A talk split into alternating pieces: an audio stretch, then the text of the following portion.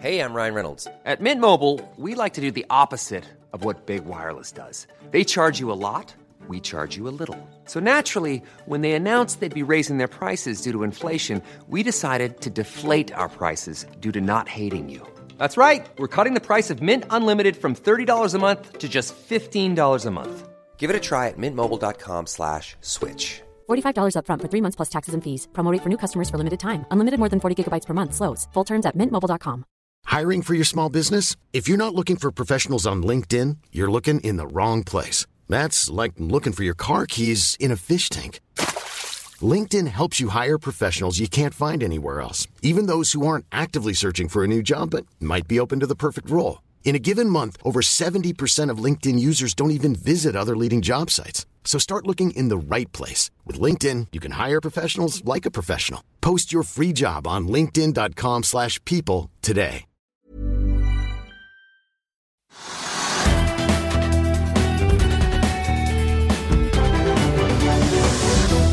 Velkommen til Økonominyhetene på denne tirsdag 8. februar, der vi har fått servert en rekke kvartalsrapporter i løpet av dagen som preger markedet, og som vi skal se nærmere på straks. Hovedindeksen begynte så vidt ned i dag, men har mistet enda litt mer fart og er snart ned 1% etter to dager med oppgang. Det samme litt sånn uklare bildet så vi også i Tyskland f.eks. i dag, i dagsindeksen som svingte først litt opp, men falt tilbake, og som etter hvert har karret seg tilbake i pluss rundt oss på kontinentet kontinentet er det også litt eh, blandet i dag, og futuresene på Wall Street peker mot en eh, negativ start der når markedene åpner om en times tid. Nordsjøoljen Nordsjøoljen handles nå på 90 dollar og 90 cent i spotmarkedet, er ned 2,2% og den amerikanske lettoljen ligger så vidt under 90. I dagens sending skal vi snakke med en analytiker som følger Aker Solutions tett, for å høre hva som driver frem oppgangen i den aksjen, og vi får også kommentarer fra Trygve om det og hva som har skjedd i Yara. Og vi skal også få teknisk analyse av Yara-aksjene, som nå er ned hele 5,6% i dag. IT-selskapet Athea slapp kvartalstall i dag. De har rekordhøye inntekter og en rekordstor ordrebok. Aksjen er likevel ned nesten 6% til 140 kroner. Reach Subsea hevet både sin topp- og bunnlinje i fjerde kvartal, og melder samtidig at de har mottatt tilbud fra en strategisk partner som ønsker en egenkapitalinvestering i selskapet. Den aksjen er opp drøye 5% til 3,31. Epifuel tapte penger i fjerde kvartal og melder om at ordreboken var på om lag 35 millioner euro. Der røk eh, PC-en min midt i farta. Eh, så da får vi håpe at sendingen går videre. Men vi kan jo da kanskje gå rett til Aker og analytiker Håkon Amundsen, som har sett nærmere på oppturen i aksjen. Selskapets aksje stiger jo kraftig i dag etter at de har kommet med kvartalstall og en oppdatering på guidingen sin for 2022, der inntektene spås ganske kraftig opp i år. Og det loves også utbytter og videre vekst i både olje og grønne næringer. Ta en titt her. Håkon Amundsen, analytiker i ABG Sundal Collier, takk for at du er med oss. Eh, I forkant av eh, kvartalsrapporten så hadde du et eh, kursmål på 30 kroner en kjøpsanbefaling på Aker Solutions. Nå ser vi at aksjen spretter opp i dag ja, rundt 8 i det vi sitter her, til 27 kroner. Hva skyldes den kraftige oppgangen, tror du? Nei, altså Gjennomgående så er det en rapport som slår forventningene på alle punkter. ikke sant? Hvis du går ned, så er det høyere aktivitet enn forventa. Det, det, er bedre marginer enn forventa. Uh, earnings biten eh, eh slår også ut på bedre cashflow enn venta, sånn at nettogjelden er ned med, med, over en milliard. Så, så det, er jo, det, er jo, resultatet for, for, kvartalet som er mye bedre enn venta. Og så og så har det vært en del forventninger rundt, rundt uh, andre ting. Det ene er f.eks. utbytte. De, igjen Etter fusjonen med Kverner og, og, at de har hatt relativt forbedrede resultater de siste kvartalene, så har, jo, så har jo balansen blitt bygd ned ganske mye. Så de har ganske komfortabel leverage. Uh, og ganske positive utsikter, uh, gitt det som har skjedd på norsk sokkel med skattepakke osv. Det gjør også at de kommer med utbytte for første gang siden 2015, som er veldig positivt. Og så på toppen av det hele så guider de jo bedre for 2022 enn det de gjorde gjorde i forrige kvartal. Sånn at du har en eh, forbedring av utsiktene også for neste kvartal. Så I tillegg til biten i kvartalet, så kommer estimatene til å komme litt opp. Så det forklarer jo kursoppgangen, basically. Mm. Eh, la oss ta en ting av gangen her. Men la oss begynne med dette utbyttet. da. 20 øre aksjen eh, er det de foreslår. Det har jo vært snakket lenge om. og som du nevnte, Det har jo ikke kommet noe siden 2015 for Aker Solutions. Kverner som ble innfusjonert, eh, hadde vel et utbytte i 2019. De satt jo på ganske mye kontanter eh, den gangen. Nå sier de at de, de planlegger å legge seg på 30-50% av netto fortjeneste over tid. Eh, hva tror du da vi kan komme opp i? Begynner de litt forsiktig her, eller er det omtrent eh, dette nivået vi kan vente oss fremover? Nei, Jeg tror jo det er fornuftig å knytte den til inntjeningen. og vi tror jo basert på det vi snakket om utsiktene, så tror vi at inntjeningen skal opp, og da tror jeg utbyttet kommer opp. Og det, det vil de jo ha kapasitet til, eh, både fra startpunktet på at balansen er ganske bra, eh, men også at inntjeningen kommer opp framover. Så, så, dette vil jo ikke bli en sånn type utbyttemaskin, kanskje, eh, som, som, noen av disse oil service-selskapene har vært når, når markedene er ekstremt bra. Men jeg tror det er, liksom, det er viktig for å for å tikke de boksene investorene trenger for å investere i et oil service-selskap i dagens litt usikre marked rundt fossile fuel, så, så er utbytte sannsynligvis noe som, som, vil gjøre at en del investorer, flere enn tidligere, kan investere i det. Da. Så jeg tror utbyttet kommer opp med inntjeningen de neste årene, men jeg jeg tror ikke man skal nødvendigvis forvente at dette blir en sånn monster utbyttemaskin. Eh, men, men det kommer opp. Mm. Hvis vi ser på inntjeningen, Konsernsjef Kjetil Digre eh, sa jo på flere punkter at eh, de ligger foran skjemaet på den planlagte inntektsveksten sin, og øker de jo da guidingen sin og, venter å øke inntektene neste år med over 20% og også en, en bedring i da underliggende margin. Hva vil du si om disse prognosene og det de sier om marginen, og hva de faktisk klarer å levere? Er de på en måte på vei ut av den litt sånn hengemyren som hele oljeservicebransjen har vært i mange år nå, med pressede marginer? Ja, det, vært, det, er jo, det, er jo, flere ting som gjør at de kan klare å forbedre marginene noe. Det ene er jo det at de kommer fra et lavt nivå, som du sier. Eh, det har vært covid som har, som har, gjort at eksekusjon er vanskelig. Det har vært en lang nedtur som har lagt press på det budmarginene, for å si det sånn. Det har vært mye konkurranse.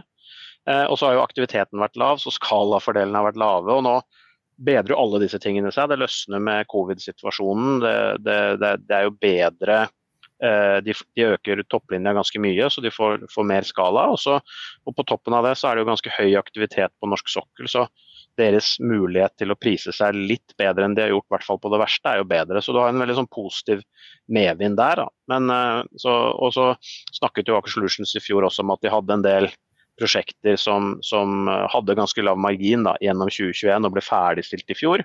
Og det gjør at du, selve liksom, komposisjonen av ordreboka også ser litt, litt, bedre ut. Så det er mange ting som gjør at de bør klare å få litt bedre margin her framover. De snakker om at de nå syv kvartaler på rad har hatt større ordreinngang enn omsetning, altså en book to bill over én. Eh, de snakker om at det kan bli potensielt ordrerekord i 2022. Eh, jeg merket meg jo at eh, Aksjelusjonssjefen snakket om at de nå er i dialog med, med, kundene sine om hvordan de skal porsjonere ut alle disse leveransene. Er det, er det fare for en overoppheting her, eller ser du noen skyer i horisonten i det hele tatt? Ja, altså, altså, Det kunne jo vært det. Altså, ut, det er jo litt sånn luksusproblem. Men utfordringen har jo vært at denne temporære skattepakken stiller krav til oljeselskapene til når de må sanksjonere prosjektene.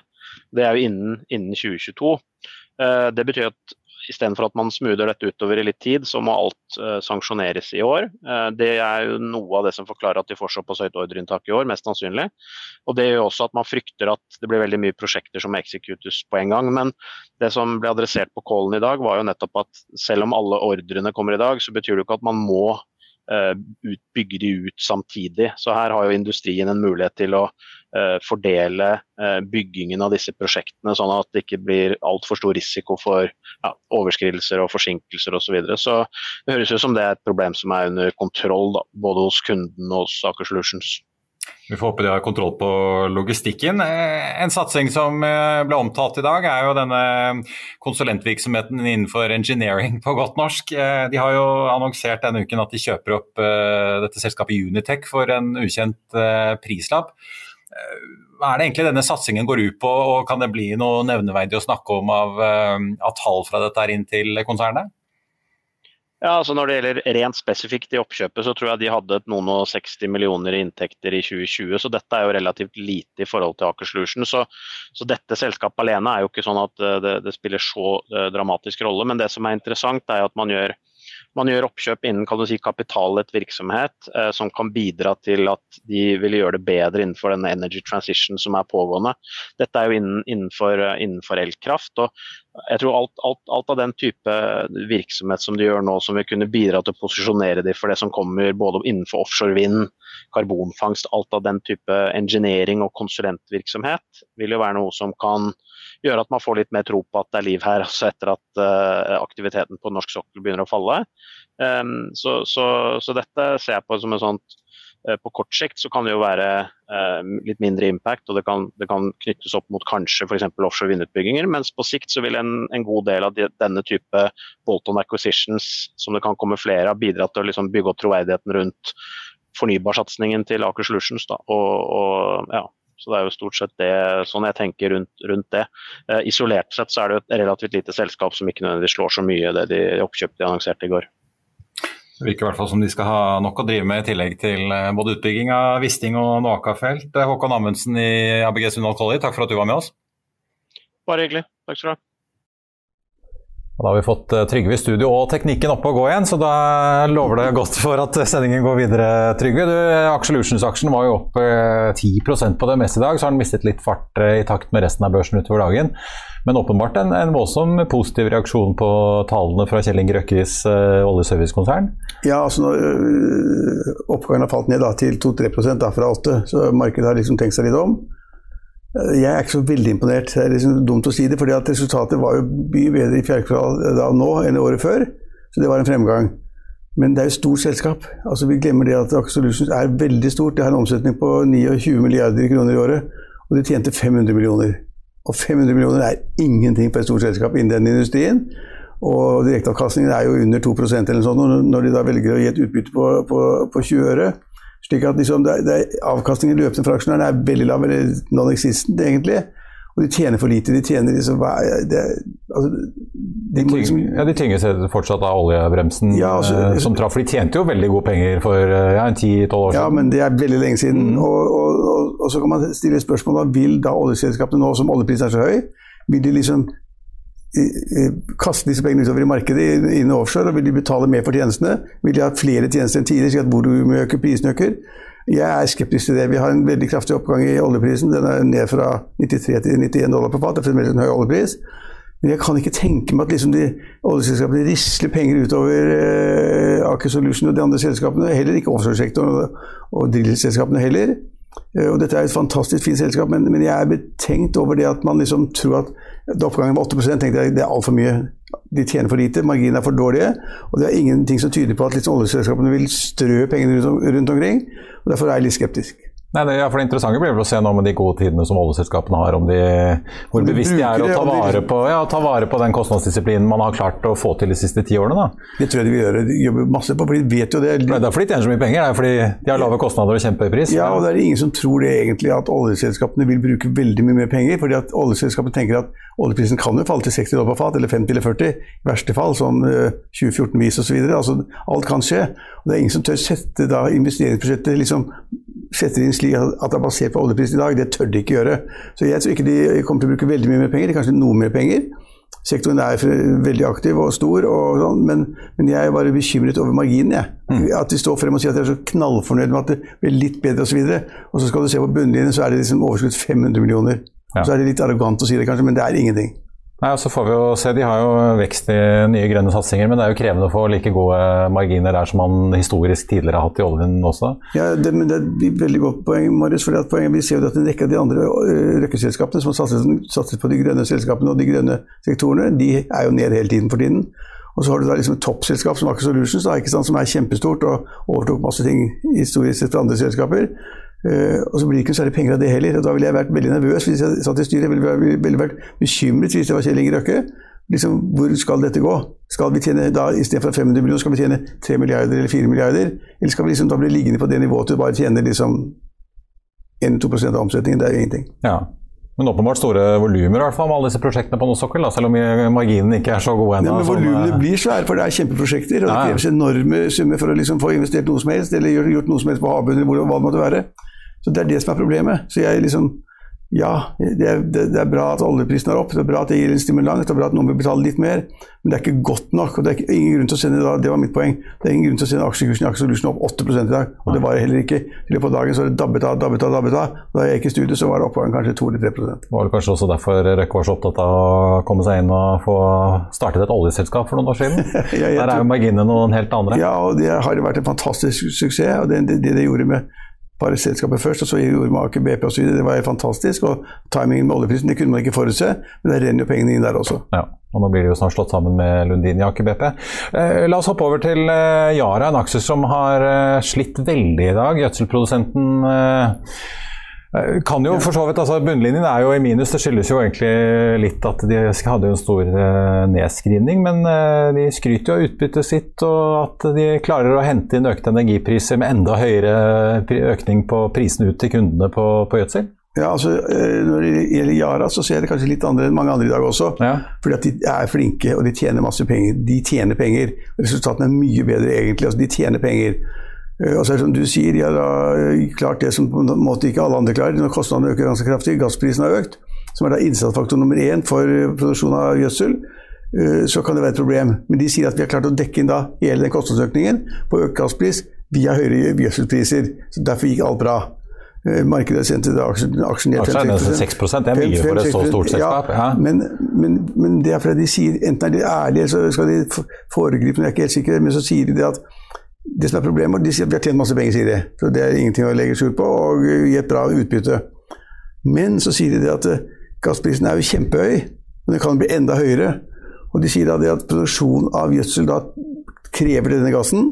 Og de har sagt da helt konkret at i første og annet kvartal så vil da de bruke 14 milliarder kroner mer på gass for å få produsere. Det er klart at Markedet får hette av det. Hvis et selskap står frem og sier at vi skal bruke 14 milliarder mer for å produsere den gjødselen som vi har gjort omtrent på samme nivå som tidligere, det likte ikke markedet i det hele tatt. og Det er liksom et voldsom nedtur for de som er interessert i aksjen, at de sier det. Hvis de er ærlige og sier det for det blir slik, så er det fantastisk fint, men da burde aksjonærene holde seg litt unna. Og det har de da også gjort. Og de milliardene går jo nesten uh, si, rett over gaten fra, fra Skøyen og rett ut på Fornebu til Anders Hopedal i Equinor omtrent.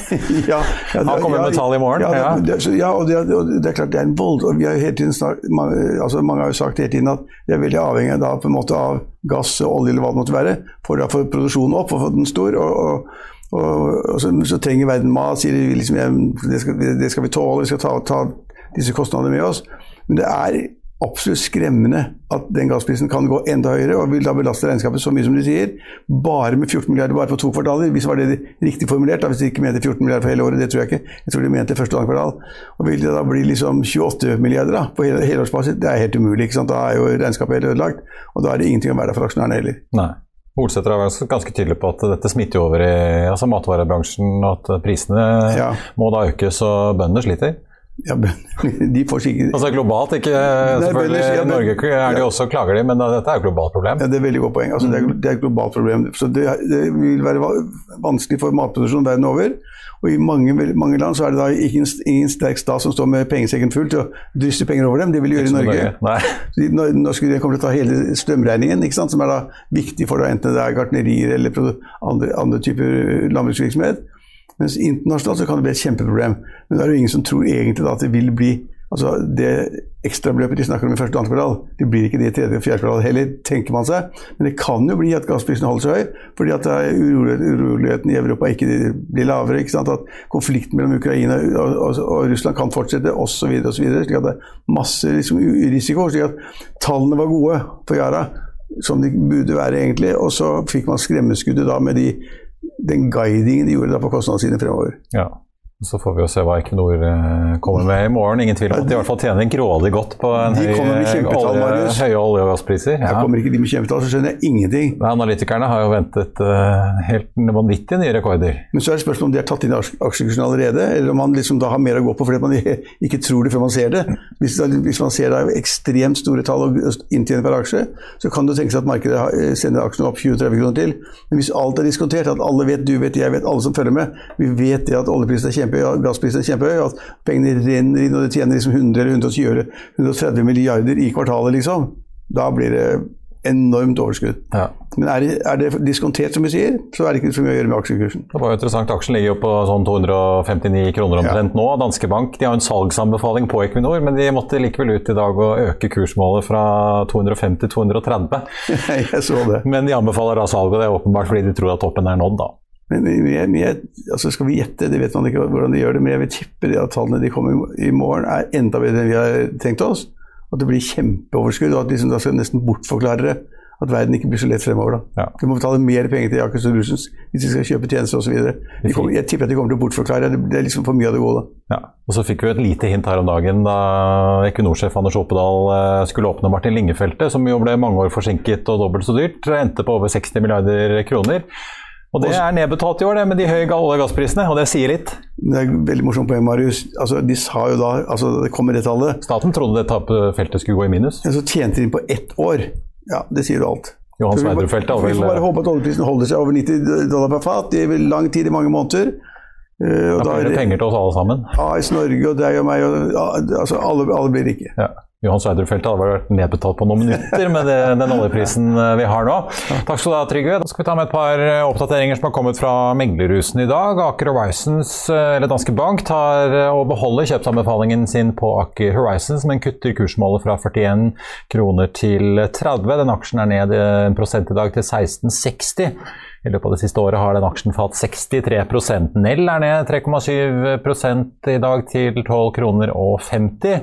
HSBC tar aksjen fra kjøp til en holdanbefaling og kutter kursmålet fra 22 til 13 kroner. Hydrogenaksjen den er ned 62% det siste året.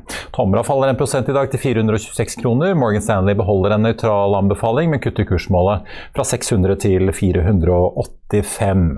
Og så nevnte jo da at Danske Bank øker kursmålet sitt på Equinor, selv om de fortsatt mener at man bør selge aksjen. Eh, Selskapet kommer jo da med sitt kvartalsregnskap i morgen sammen med en kapitalmarkedsdag. Og så har Carnegie økt kursmålet sitt på Elkem fra 50 til 55 kroner, og de beholder kjøpsanbefalingen sin. Men aksjen er opp 1,8 til litt over 34 kroner. På Oslo-børsen er hovedindeksen ned 1,1% og Aksjelutions ligger opp 3,2% og Yara sliter fortsatt med en nedgang nå på 5,9% altså nesten 6% fall i dag. Yara er også den mest omsatte aksjen med en omsetning på 680 millioner kroner. En god plass foran Equinor, som er ned 1,5 prosent. Og på tredjeplass finner vi Norsk Hydro, som er opp 4,2 og så får vi også ta med at uh, senere denne uken så kommer bl.a.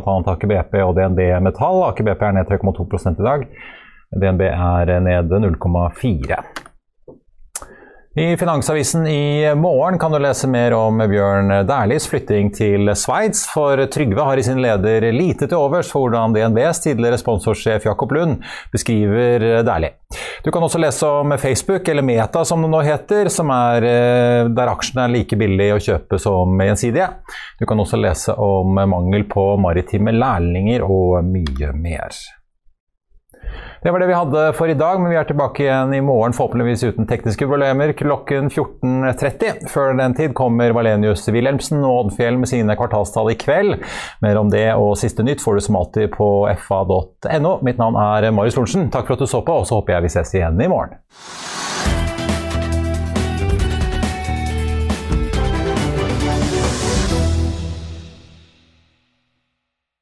Økonominyhetene er en podkast fra Finansavisen. Programledere er Marius Lorentzen, Stein Ove Haugen og Benedikte Storm Bamvik. Produsenter er Lars Brenden Skram og Bashar Johar. Og ansvarlig redaktør er Trygve Hegnar.